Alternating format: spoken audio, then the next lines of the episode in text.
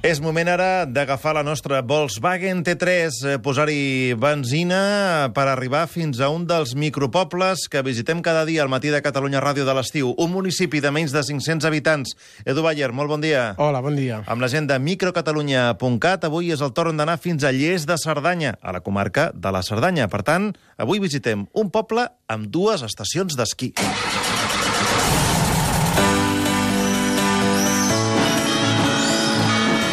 Viatgem per la microcatalunya.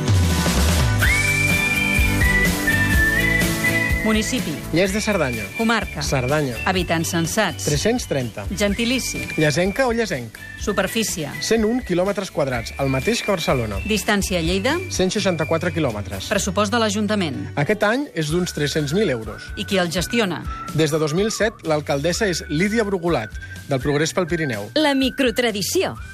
He vist el vostre web, Edu, i us volia comentar que un dels nuclis de població que formen Lles de Cerdanya és Mussa, i allà és on vau trobar un dels acordionistes més actius del Pirineu, en Pep Lizandra, i ens heu portat un tros, un fragment d'això que toca ell a l'acordió.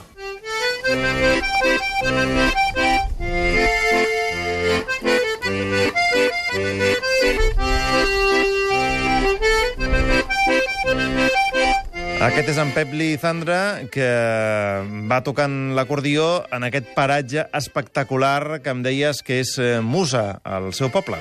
Sí, és, és preciós. A més, el, el so i l'entorn on vam fer aquesta gravació era amb el, amb el cadí de fons i fins i tot, si, si aneu al, al, al vídeo, hi ha un moment en què les, les vaques pa, passen per, per I entre ell i la l'acompanyen càmera. amb la campana que porten penjant del coll, sí, o no? Sí, sí, sí. Amb la percussió. es- S'escolten les esquelles. És que, Marc, la recuperació de la música folk del Pirineu no s'entendria sense la figura d'en Pep Lisandra. Tot i que ell assegura que aquest miracle no és només eh, gràcies a ell, sinó que és eh, fruit d'una suma d'esforços. Ell diu que, d'una banda, la feina d'Artur Blasco, que, entre altres coses, fa 35 anys va animar a la gent gran d'aquesta zona del Pirineu que tocava l'acordió diatònic i que gairebé havien eh, quedat eh, oblidats en l'època de la Guerra Civil, eh, els va animar a participar a les trobades d'Arsègal. Eh, després també, clar, el, el, el seu propi paper, perquè Lisandre va començar la tasca de formació i difusió eh, de la música tradicional de la zona, ensenyant eh, al principi de forma voluntària en diverses escoles rurals de, de, de la Cerdanya i d'aquesta zona que toca amb, amb, amb l'Alt Urgell. I el tercer, el tercer fet que en, que en Pep eh, esmentava com a important és el fet que Tito Peláez, anés a parar a Arsègal i que també decidís crear l'Escola Folk del Pirineu, que d'alguna manera ja inst institucionalitzaria la formació dels nens, joves i adults de tots aquests petits po eh, pobles del, del Pallars, de l'Alt Urgell, la Cerdanya, amb la visita periòdica de mestres a les, a, les, a les escoles dels propis pobles. Ara, des de l'Escola Folk del Pirineu, estan ensenyant música a uns 400 nanos. Per tant, podem dir que és, és com una dinàmica s'ha generat aquesta dinàmica que fa que aquesta música tradicional estigui generalitzada en aquesta zona, pel Sí, que sí, expliques. totalment. S'ha generat una dinàmica en la que, per exemple, si tu vas un, a una festa d'un institut a la Seu, hi trobaràs un, una banda de rock, però també hi trobaràs eh, un grup de música tradicional eh, folk, amb violins, acordions, que fan la música que han après a les escoles de, rurals de, de petits. I pel que fa al paratge on, on, vam, on vam tocar, no sé si ho he dit, és Mussa, on les vaques passen cada dia pel, pels seus carrers.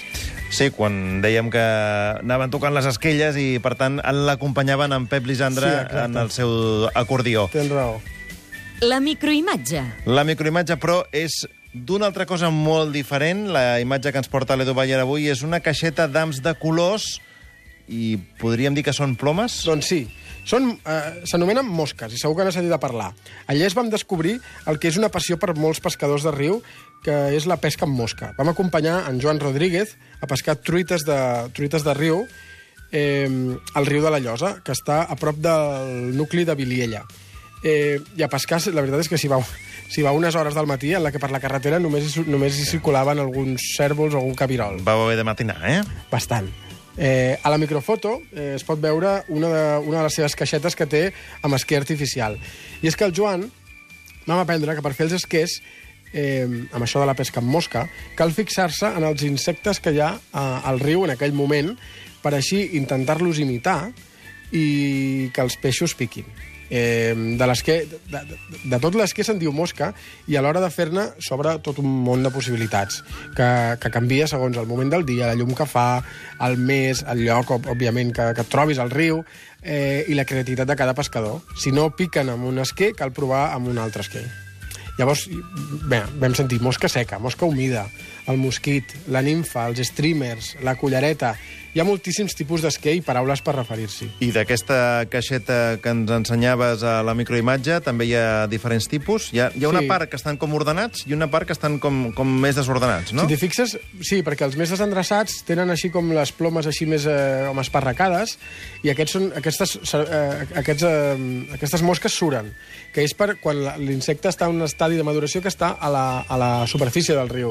I a l'altra banda, aquests que porten com la perla aquesta brillant, doncs estan pensats perquè s'enfonsin una mica més i és quan, eh, és quan és una pesca que es diu, em sembla, de, com de nimfa o de mosca humida, que és quan els insectes encara no han acabat de madurar i estan sortint de les seves larves que estan a, que, que neixen al, al, al, a dins l'aigua, al, al fons del, dels rius. I amb en Joan Rodríguez, al final, que vau, vau pescar, vau aconseguir un bon botí amb aquestes mosques, amb aquestes plomes? Vam pescar, però no ens en vam endur res, perquè en Joan practica el que s'anomena la pesca sense mort.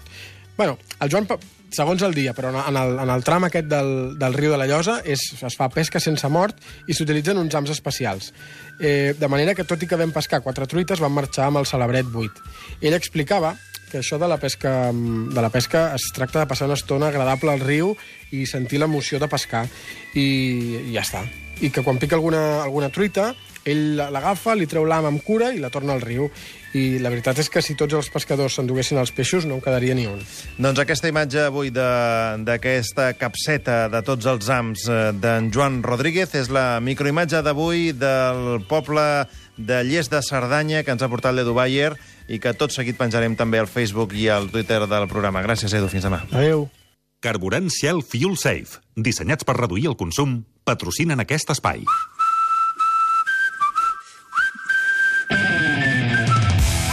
Avui volem parlar amb el responsable Lles de Cerdanya hi hagi un dels boscos més màgics de tot Catalunya, concretament el laberint màgic de Roca Viva, és a dir, 600 roques granítiques treballades durant 29 anys per un escultor, en Climent Olm. Climent, bon dia. Bon dia. Mm, Com va néixer aquest eh, laberint màgic enmig eh, de la muntanya? Com va néixer? Doncs no sé, abans feia altres activitats artístiques i finalment vaig veure que hi havia roques al voltant i em vaig començar a treballar les roques. De fet, durant molts anys eh, vas viure com un ermità en aquesta muntanya, en una casa que tu mateix havies construït, sol amb les teves escultures, però ara ja ho has deixat estar, oi? Uh, sí, ho he deixat estar, una mica per força, però ho he deixat estar, sí. I, i finalment, eh, però, malgrat tot, el laberint eh, el van declarar bé d'interès cultural pels Consells Comarcals de la Cerdanya i l'Alt Urgell, i si tu no hi ets ara, qui en fa el manteniment o qui en fa les visites guiades? Bé, les visites guiades, doncs, doncs de moment no els farà ningú.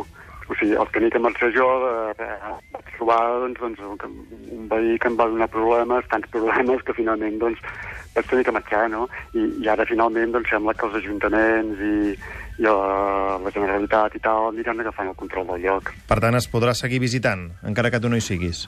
Sí, sí, es podrà seguir visitant, sí, sí, i tant. I, i ara tot aquest canvi, ara te n'has anat a viure a la Seu d'Urgell, oi? De moment estic a la Seu d'Urgell, sí. De moment. T'ha costat fer un canvi d'aquesta magnitud als 64 anys i després de, de tants anys de, de treballar eh, al teu voltant? És un canvi fort, sí, o sigui, passes de la plena natura i d'un treball que em motivava molt doncs, a una altra, una altra vida, una altra manera de viure. En qualsevol cas, eh, podríem dir que la teva obra també té sortida a la seu perquè tens un centenar de peces escultòriques eh, de petit format i una vintena de pintures en una sala d'aquí de la seu eh, exposades. Fins quan estarà oberta i què s'hi pot veure? Això estarà obert, em sembla, fins al 20, i- fins a finals de mes. Uh -huh. Hi ha ceràmiques que havia fet fa anys, pintures i, i pedres petites també. I també hi ha molta altra obra que, que bé, que amb el temps s'exposarà permanentment a la seu. Molt bé. No, avui hem passat per Lles de Cerdanya i recomanem sobretot, a banda doncs, eh, dels paisatges, eh, del micropoble, aquest eh, laberint màgic que ha estat declarat bé d'interès eh, cultural pels Consells Comarcals eh, de la zona. Climent, moltíssimes gràcies i molta sort en aquesta nova etapa. Sí, abans de, abans de plegar Sí. voldria, voldria donar el blog de Roca Viva perquè qui vulgui doncs, doncs pugui entrar-hi Sí. i tindrà una informació més completa. Quina és l'adreça, doncs? Mira, el blog és uh, rocaviva-laberint màgic blogspot.com rocaviva-laberintmàgic.blogspot.com.es Moltíssimes gràcies, Climent. Exactament. Moltes gràcies a vosaltres. Adéu-siau. Adéu, adéu, bon dia.